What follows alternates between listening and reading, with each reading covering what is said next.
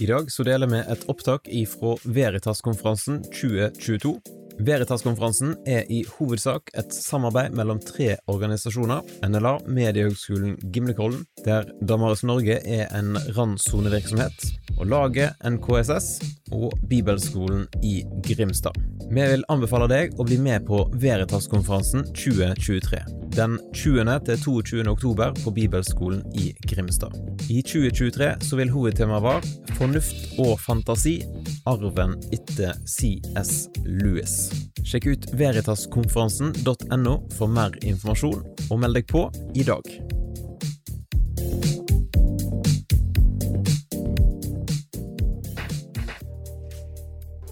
Velkommen til seminar. Eh, jeg kommer til å ha på litt musikk i bakgrunnen gjennom seminaret. For personlig så er jeg veldig glad i å ha bakgrunnsmusikk til situasjonen jeg er i. Litt sånn som eh, i en gamingverden.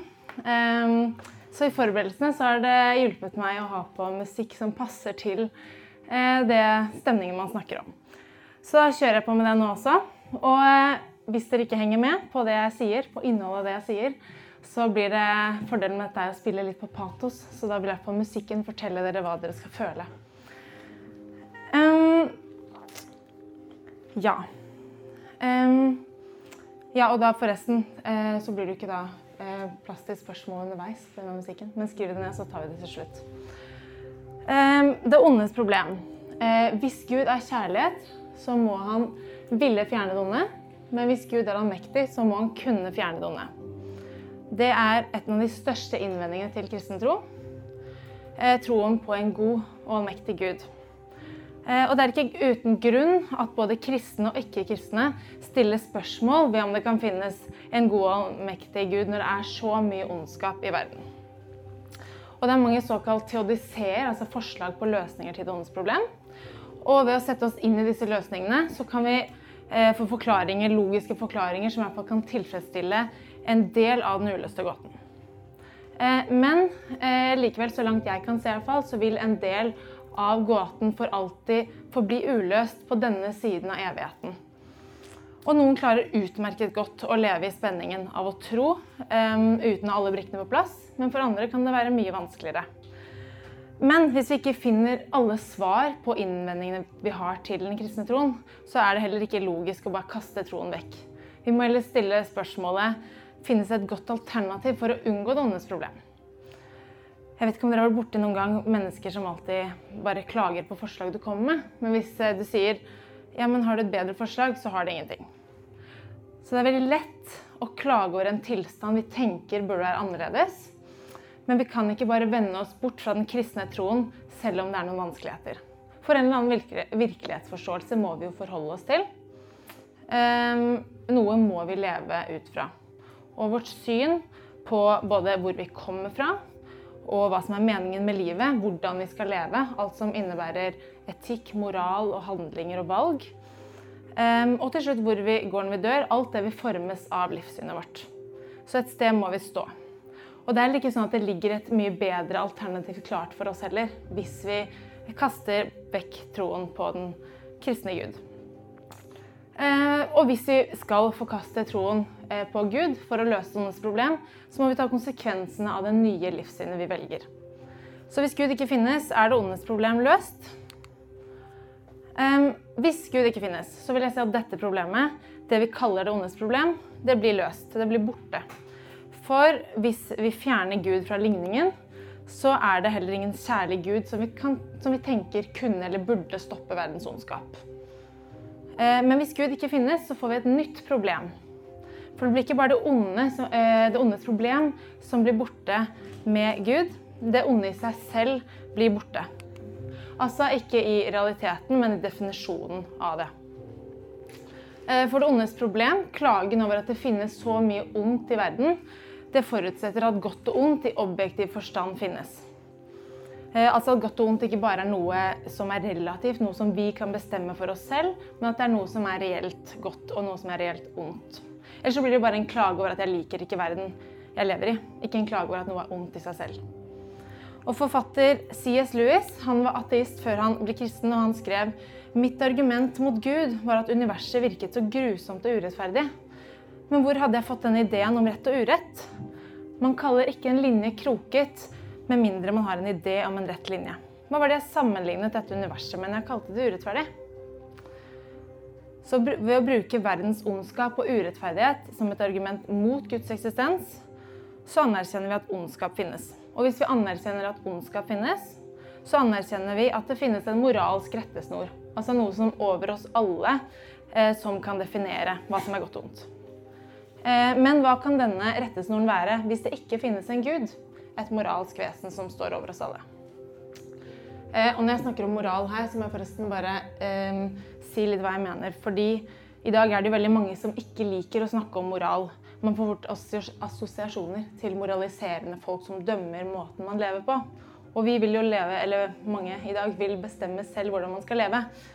Eh, men til tross for det, hva mange tenker om det, så um, vi kan legge litt ulikt innhold i hva vi tenker moralen skal inneholde. Men de fleste av oss vil være enige i at det finnes en moral, altså noe godt og ondt.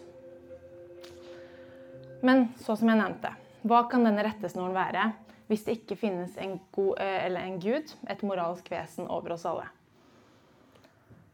Og kanskje vil noen si at vi trenger jo ikke en moralsk rettesnor eh, for å anerkjenne at ondskap finnes. Det er bare helt naturlig, og vi mennesker har gjennom lang tid utviklet, utviklet en etisk sans eh, for hva som er godt og vondt. Eh, men er det naturlig og selvsagt å, tenke, å, trekke konklusjonen om godt og ondt ut fra universet vi har vokst opp i? Eh, C.S. Lewis han skrev også universet oppfører seg ikke på noen måte slik moralen krever oss. Universet virker ødselt, hensynsløst og urettferdig mens moralen vår krever det motsatte. Og hvis vi ikke har moralfølelsen i oss, finnes den ikke. Moral er enten en uforklarlig illusjon eller åpenbaring. Og hans poeng er hvorfor har jeg en moralfølelse, en så sterk følelse av at noe er rett og noe er galt, hvis vårt eneste hjem er et univers som ikke tilsier at det skulle være sånn? Et univers som er hensynsløst og urettferdig. Hvorfor har vi f.eks. en så sterk lengsel, eh, lengsel etter å tro på menneskelig likhet og rettferdighet når vi kommer fra et univers som er likegyldig til rettferdighet, og der kun de sterkeste eller mest tilpasningsdyktige overlever? I boken 'Confronting Christianity' så skriver Rebecca McLaughlin om en jente som ikke fant tilfredsstillelse, moralsk tilfredsstillelse i sitt ateistiske verdensbilde. Og hun skriver Um, Saras dype tro på menneskelig likhet og hennes lengsel etter rettferdighet gjorde henne utilfreds med ateismen. Hun hadde moralsk hjemlengsel etter et sted hun ikke kjente til. Og Louis mente at denne moralfølelsen enten var en åpenbaring eller en illusjon. For hvis det finnes en gud som er moralsk, så er det naturlig at han har skapt oss med en sånn moral. Inni oss har han åpenbart moralen for oss. Men hvis det ikke finnes en gud, så kan ikke denne moralen være annet enn en illusjon. Altså noe som vi tror eller føler er rett, men som egentlig ikke er noe annet enn helt tilfeldig. Og noe vi innbiller oss. For universet i seg selv gir oss ingen begrunnelse for hvorfor vi burde ha denne følelsen. Ehm, så hvis eh, Gud ikke finnes, så er det vi ser på som rett og galt, vårt ønske om å kalle noe for godt og ondt, det er ikke noe mer enn enten eller et tilfeldig produkt av evolusjon og eller menneskelige avgjørelser, altså ting som vi har bestemt oss for i fellesskap. Og la oss se på den første eh, evolusjon.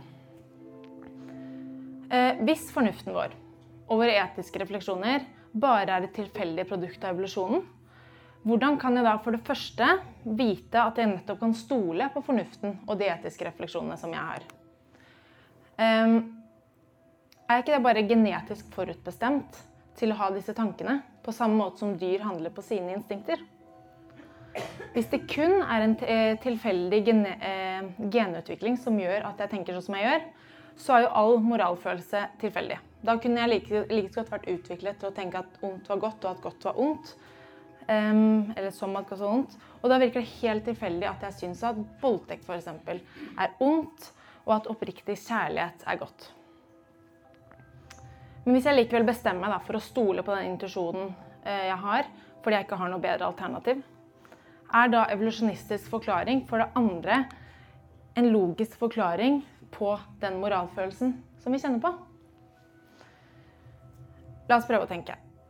Kan det være sånn at eh, den moralen eh, som vi har i oss, har blitt en slags ryggradsrefleks gjennom evolusjonen? Etter hva som var mest hensiktsmessig for oss menneskene? For revolusjon impliserer jo at de best tilpassede individene over, overlever i kampen for tilværelsen. Og ettersom vi er her, som har klart oss i kampen for tilværelsen, så burde også den moralen som vi har i oss, være rett. For muligens kan evolusjonen forklare noen ting ved moralen. Eh, F.eks. kan evolusjonen gi en viss grad for hvorfor vi f.eks. verdsetter godhet og kjærlighet i en flokk, altså i en familie eller samfunn. Eh, for det har jo kunnet hjelpe oss å overleve. Men kan evolusjonen forklare hvorfor vi skal være gode mot andre folkeslag eh, og andre samfunn som vi ikke har noe med å gjøre, hvis det ikke er til noe nytte for oss? Hvorfor skal vi f.eks. hjelpe fattige folk på andre siden av kloden? Hvorfor er det vårt ansvar? Pga. Eh, regelen om at vi skal gjøre det vi ønsker at andre gjør mot oss? Men heller ikke denne allmenne regelen lar seg forklare rent evolusjonistisk. For evolusjonens mål er overlevelse og ikke omsorg. Det er spis eller bli spist. Og løven behandler ikke antilopen etter den gylne regel. Hun prøver å overleve. Og er vi kun en, naturen, eh, kun en, del av naturen, er det også først og fremst vår oppgave å overleve. Eh, så jeg syns ikke at evolusjonen gir en tilfredsstillende forklaring på moral. Men kanskje syns du det er urimelig at jeg bruker dyreriket som et, et, et eksempel. Um, for vi mennesker har jo et annet refleksjonsnivå enn dyr. Vi kan jo følge den gylne regelen, selv om ikke løven gjør det. Ok, men Da beveger vi oss vekk fra den evolusjonistiske forklaringen og over på de menneskelige avgjørelsene. Og da kan vi kanskje tenke eh, Kan vi ikke bare bestemme oss da, for at mennesket har en egenverdi, og at vi har en hensikt og en mening, selv om vi ikke tror at vi er skapt av en gud. Vi er kanskje bare en eh, tilfeldig gren på evolusjonstreet, men vi har nå likevel utviklet oss til å bli vesener med en helt annen type selvrefleksjon enn de andre dyrene, og derfor burde vi bruke denne refleksjonen til å handle etisk. Humanismen har dette synet. Og humanismens menneskesyn kommer til eh, uttrykk i FNs menneskerettighetserklæring. Der står det at alle mennesker er født frie med samme menneskeverd og menneskerettigheter. De er utstyrt med fornuft og samvittighet og bør handle mot hverandre i brorskapets ånd. Så humanister tenker at mennesker er født med samme menneskeverd, med rettigheter, med fornuft og med samvittighet. Men likevel uten å forankre dette i noen gud. De mener at de er født med muligheten for etisk refleksjon og moralsk handling, og at våre etiske holdninger bør styres ut fra empati med andre mennesker. Og hva som tjener menneskene best. Som det står på, nei, på hjemmesiden deres. Eh, det finnes ikke alltid en fasit for hva som er rett og galt. Humanister mener likevel at vi kan øve opp evnen til å ta gode etiske valg ved å gjøre oss erfaringer, lytte til hverandre og bruke vår fornuft. For de fleste av oss, med unntak av noen som er mentalt syke, har empati med andre mennesker. Og vi får selv vondt når vi ser at andre lider. Så ettersom de fleste menneskene har denne følelsen, og intuitivt føler at det er noe som er direkte godt og ondt for mennesker, så burde vi ifølge her eh, følge denne intuisjonen. Men uten Gud igjen, eh, hvordan kan vi si at våre etiske refleksjoner og moralske handlinger er de rette i møte med andre motstridende etiske refleksjoner. For i et samfunn så vil det alltid være uenigheter. Og samfunnet kan ikke alltid lage lover etter hva som eh, enkeltmennesker ønsker, eller hvordan vi ønsker at andre skal behandle oss. Altså bruke den gylne regel som eh, mal. Eh, for i et samfunn må vi av og til gjøre ting som er ubehagelig for enkeltmennesker. Fordi det er til det beste for samfunnet. F.eks. vil vi kunne si at det er rett å sette en drapsmann i fengsel eh, fordi han utgjør en trussel mot samfunnet. Så selv om det ikke oppleves godt for han, så må vi berøve hans frihet fordi vi tror det er best for flest. Ok, Men så kanskje vi kan finne ut hva som er rett og galt, ut fra at handlinger er mer eller mindre hensiktsmessig for samfunnet eller flertallet. Eh, vi kan f.eks. si at det er rett med frihet for mennesker flest, ut fra den erfaringen til hver av oss om at frihet oppleves godt. Men at det er rett for å sette drapsmenn i fengsel fordi de truer samfunnet og flertallet. Så kanskje kan vi bli enige om at hvis en handling fører til menneskelig og samfunnsmessig vekst og blomstring, så kan vi si at det er objektivt rett. Men hvis det ikke gjør det, så er det objektivt galt. Da trenger vi ikke en moralsk rettesnor utenfor oss alle til å bestemme godt og ondt. Men hvem bestemmer da hva som bidrar til menneskelig vekst? Er det fellesskapet, den største andelen, som skal bestemme hva som er rett? Det kan jo til en viss grad virke rettferdig, det, å la flertallet bestemme. Men hva hvis et samfunn da vil utrydde en liten gruppe til det bedre for flertallet, slik som Nazi-Tyskland f.eks. prøvde? Hitler var jo overbevist om at det å drepe millionvis av jøder ville bidra til menneskelig vekst. Men er det en rett handling? Er vi enige? Altså, Vi kan jo i ettertid fordømme Hitler for hans gjerninger fordi vi vant krigen. Ehm, men hadde holocaust vært, eller blitt rett, hvis Hitler hadde vunnet krigen og innført nazisme i hele verden. For kanskje hadde vi da, eller flertallet, utviklet et eh, nazistisk menneskesyn ut fra eh, politikkens og samfunnets indoktrinering og hjernevask. Men hadde det objektivt sett vært rett likevel? Eller kunne vi eller noen andre utenfor hatt rett til å dømme gjerningen hans? Og jeg vil jo selvfølgelig påstå at de fleste av oss vil være enige i at det er noen ting som er eh, helt galt, uansett om flertallet syns det er OK. Men har jeg uten Gud noen rett til å si det? At noe er galt? Har jeg noen rett til å bedømme andres atferd? Jeg tror ikke det. Jeg tror ikke at jeg kan reelt si at noe er rett eller galt uten at det finnes objektiv moral. Det vil kun være dine og mine meninger mot andres. Så jeg kan si at jeg misliker voldtekt, eller at eh, det er uhensiktsmessig med voldtekt for et godt samfunn. Og jeg kan vise til argumenter for at jeg tror at det er best at vi kaller det en gal handling. Men jeg kan ikke forankre synspunktet mitt i at det alltid er objektivt galt. Kanskje vil du protestere og si at det er jo opplagt at vi mennesker har en egenverdi bare i kraft av å være menneske. Vi trenger ikke Gud for å se det. Men til det vil jeg si at det kan ikke begrunnes uten Gud. Du kan synse det, men uten Gud, hva setter mennesket i særstilling på denne kloden? Hvorfor skal vi ta det for gitt at mennesket er i sentrum? Eh, hvorfor skal menneskelig vekst og menneskelig ve og vel være det avgjørende kriteriet for hva som er godt? Filosofen Peter Singer er et eksempel på en som i hvert fall i teorien er konsekvent i sitt ateistiske verdensbilde når det gjelder dette. Og han setter ikke mennesket i særstilling. Han forfekter en konsekvensetikk eh, som ikke setter mennesket noe mer i sentrum enn andre dyr. For hvis vi alle er her ved tilfeldigheter, hvorfor skulle vi mennesker sette oss selv og hverandre høyere enn andre dyr? Hvorfor tenke at akkurat menneskelig vekst er godt? Hvorfor skal vi ikke like mye fremme vekst av andre arter, enten planter eller dyr? Fordi vi har mer makt? Men dette, er ikke dette bare enda en form for rasisme? Rasisme mot andre arter? Singer mener det. Og han kaller en sånn atferd det at vi setter mennesket i sentrum, for artssjåvinisme, eller spesiesisme. Vi diskriminerer andre arter på samme måte som mennesker opp igjennom har diskriminert f.eks. mennesker med annen hudfarge.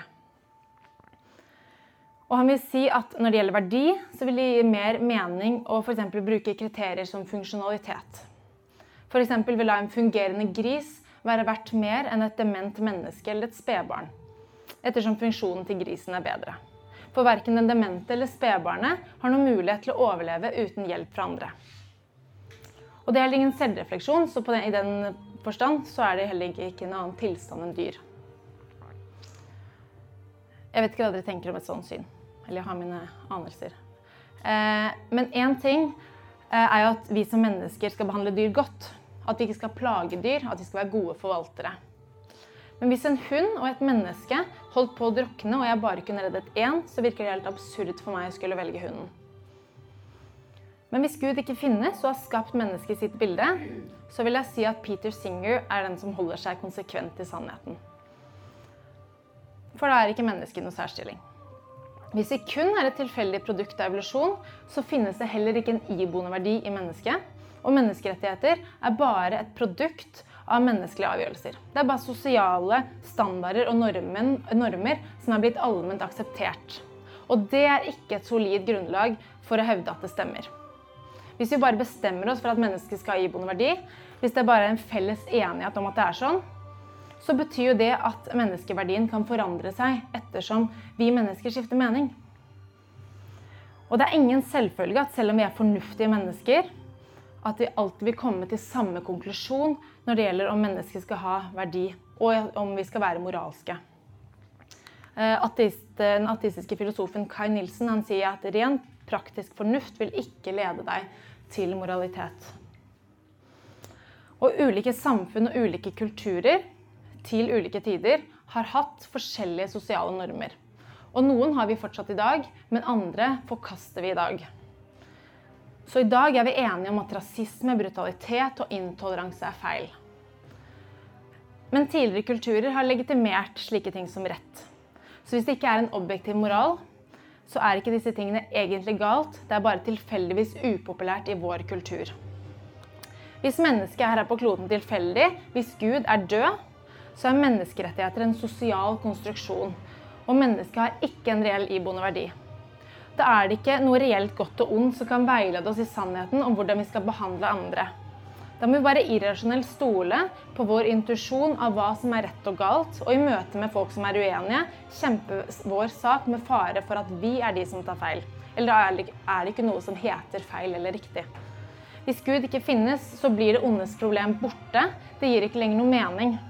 For det blir et irrelevant spørsmål, for da kan vi ikke stille spørsmål om hvorfor det er så mye ondt i verden.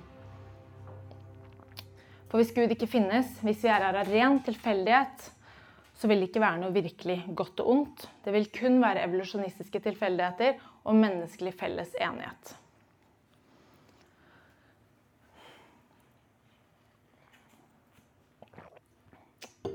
Men når jeg sier at problemet blir borte, så mener jeg selvsagt på et rent logisk og filosofisk nivå. For emosjonelt blir ikke problemet borte. Vi vil fortsatt ha en dyp følelse av at det finnes et skille mellom godt og ondt. Et skille som vi ikke bare ønsker skal være der, men som vi reelt tror og handler som at det er der. Det ondes problem vil fortsatt være der for oss, men det vil ikke være forankret i et logisk system. Så vi må leve og handle etter noe som ikke stemmer med vår erfaring av virkeligheten. Hvis vi lever som at Gud ikke finnes, så vil det være dissonans mellom vår tro og vår handling. Det vil si at vi, må, vi vil handle som at det finnes noe som er rett og galt, men vi vil ikke kunne forsvare det med bakgrunn i vår tro eller vårt livssyn. Så vi syns nå at det er en selvfølge at mennesker har egenverdi, og at vi har en mening. Vi syns det er en selvfølge at vi som samfunn skal ta oss av funksjonshemmede, og folk som er hjelpetrengende hele livet. At vi skal verne om menneskelivet helt fra det er en unyttig baby som kun har behov og ikke kan klare seg alene, til mennesket er gammelt og skrøpelig og kun er en økonomisk byrde for samfunnet. Selvsagt er også disse menneskene samme verdi som andre mer nyttige samfunnsborgere. Vi trenger ikke Gud for å vite det. Men dette kan ikke forankres i et verdensbilde uten Gud. Og når vi lever etter kulturelle verdier som noen bare har bestemt, eh, og som er inkonsekvent med livssynet vårt, så vil det med tiden rakne og forsvinne. Kanskje fungerer det for ateister nå å tro på menneskets hensikt, mening og verdi, slik som humanister gjør, men det er kun fordi de er så badet i en kristen kulturarv og lever mye etter kristne verdier, selv om de ikke er klar over det selv. Ehm, historiker og agnostiker Tom Holland han forteller at mange er uvitende om hvor stor påvirkning den kristne arven har hatt i å forme våre moderne verdier. Eh, Holland var veldig interessert i det antikke Roma og Hellas.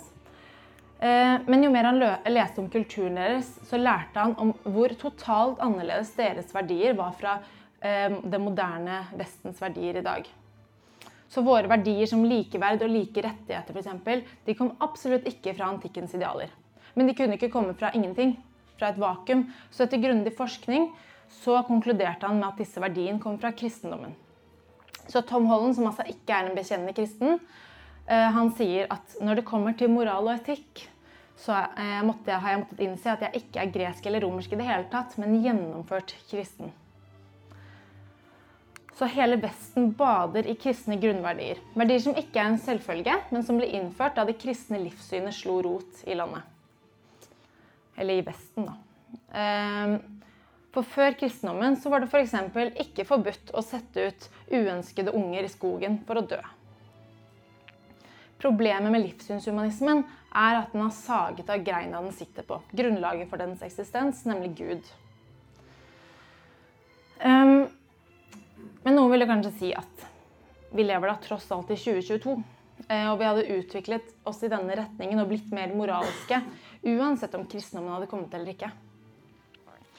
Men selv om vi beveger oss fremover på tidslinjen, så er det ingen selvfølge at vi beveger oss fremover på den etiske og moralske linjen. Det er ingen garanti for at vi blir mer moralske og utvikler oss i riktig retning, selv om vi har mer teknologi og mer historie bak oss. Verden var f.eks. veldig optimistisk i opplysningstiden, og frihet og fornuft og fremskritt, det var slagordene.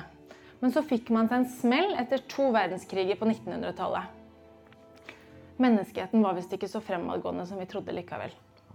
Bedre teknologi hadde vi, men vi brukte den også til å ødelegge massivt.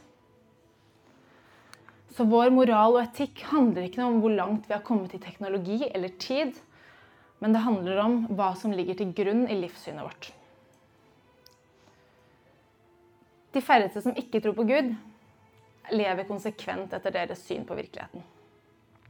De fleste ateister for eksempel, handler som at mennesket har verdi, og de ønsker å skape en bedre verden og handle godt mot sine medmennesker. De bryr seg om livet og finner mening og hensikt i å leve for ulike ting. Det kan være kjærlighet, venner, familie. Og selv om jeg egentlig liker at folk er konsekvente med det de står for, så er jeg glad for at de færreste ateister gjør det. For det er ikke et positivt verdensbilde konsekvente ateister må forholde seg til. Skal man med troen på at det ikke finnes noen gud, leve konsekvent, så må man anerkjenne at vi kan ikke kalle noe for godt og ondt, og man må bare nøye seg med at det er noe som oppleves mer vondt enn noe annet. Ateisten Richard Dawkins han forteller den skremmende realiteten av universet han tenker vi bor i. Et univers uten Gud. Og han sier at i et materialistisk univers er det i bunn og grunn intet design. Ingen hensikt, ikke noe ondt, ikke noe godt. Ikke noe mer enn meningsløs likegyldighet. Og En annen ateist som tar konsekvensen av livssynet sitt, er Alex Rosenberg, en vitenskapsfilosof.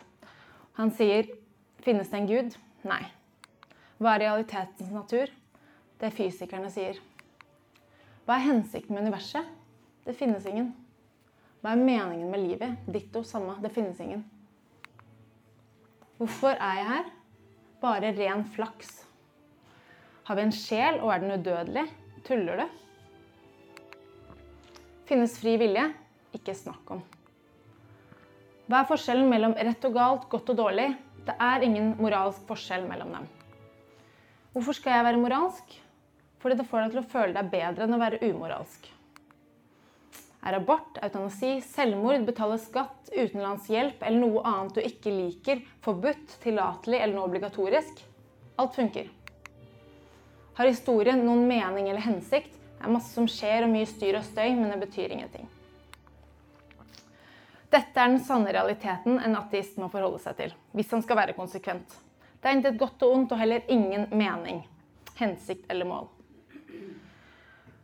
Kanskje vil den kristne moralske kulturarven henge ved oss i mange år til.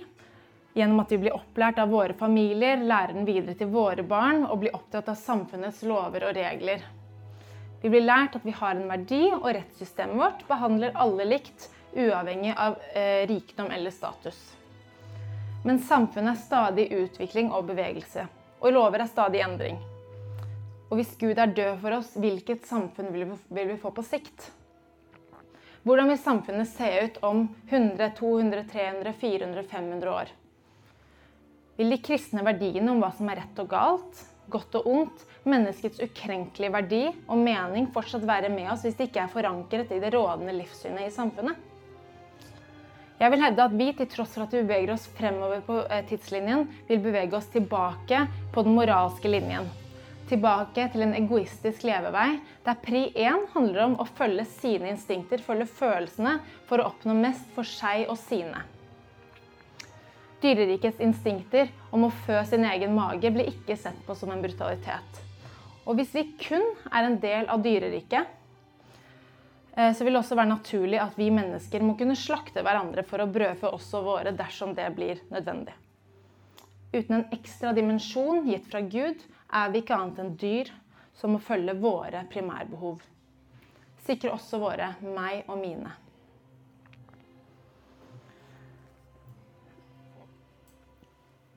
Vi rister på hodet av en sånn tankegang. Men hvorfor? Det er den logiske konsekvensen av en verden uten Gud. Menneskerettigheter og et likeverdig syn på mennesker uten en gud i bildet, det kan virke appellerende, for det er ikke alle som vil at Gud skal finnes. Men spørsmålet er hvor lenge et sånt luftslott kan stå oppreist. For som jeg har snakket om, hvis Gud ikke finnes, er det ingen legitim grunn for å si at én måte å leve på er bedre enn en annen. Og da har det heller ingen betydning hvordan vi lever og hvilke valg vi tar. For uten Gud er det ingen større mening. Da må vi skape vår egen mening.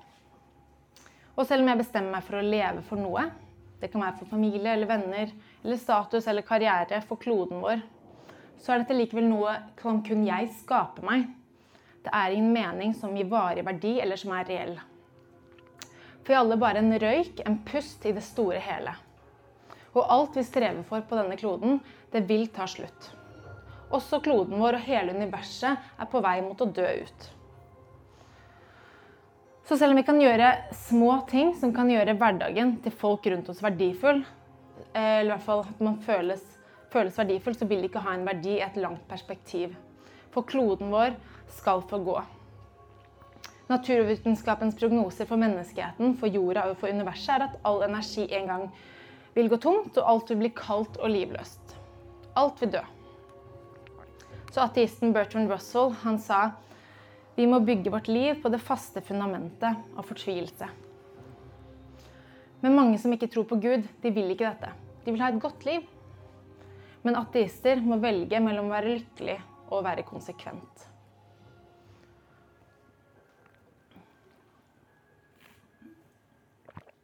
Men jeg tror at et kristent livssyn kan gi en levevei som gir mening, og som samstemmer med vår menneskelige intuisjon. At det som vi opplever som meningsfullt og som godt og ondt, ikke bare er en illusjon, våre preferanser eller felles enighet, men at det er i tråd med sannheten. Og der, i troen på Gud, tror jeg vi kan leve et konsekvent liv. Vi erfarer og observerer ondskap og lidelse og det kan være vanskelig å forstå at Gud ikke alltid griper inn hvis han finnes, hvis han er allmektig, og hvis han er god. Men den kristne troen på Gud anerkjenner i hvert fall at reell ondskap finnes. Og Derfor kan det ondes problem i seg selv være et argument for at Gud eksisterer, selv om problemet kanskje aldri løses fullt ut på denne siden av evigheten. Hvis Gud eksisterer, eller finnes, så finnes ikke objektive moralske verdier. Men ondskap finnes, og derfor finnes Gud. Eller som C.S. Lewis skrev. I én forstand skaper kristendommen lidelsens problem istedenfor å løse det. For smerte ville ikke vært noe problem med mindre vi hadde fått noe som vi oppfattet som en forsikring om at virkeligheten til syvende og sist er kjærlig og rettferdig midt i en smertefull verden. Jeg tror vi er skapt i Guds bilde, med et instinkt om at vi lever i et moralsk univers, og at det finnes noe godt og ondt. At det finnes en skaper bak universet. Eh, at um, det som er på linje med han og hans karakter, og det som ærer han og hans verdifulle skapninger, det er i sannhet godt. Og det som går imot det, er i sannhet ondt. Det er ikke bare blind likegyldighet i universet. Og vi er ikke hjemløse og meningsløse her på denne kloden i det store, store bildet. Vi er født med en moralsk hjemmelengsel, en lengsel som en gang skal tilfredsstilles når vi kommer hjem til stedet vi er skapt for, i Guds nærvær. Og Bibelen avslutter Johannes' åpenbaring med en påminnelse om at denne jorda ikke er alt. Vi får en forsikring om at selv om ting er vondt nå, så skal det en gang bli bedre.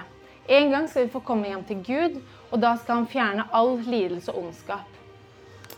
Han skal tørke bort hver tåre fra deres øyne, og døden skal ikke være mer.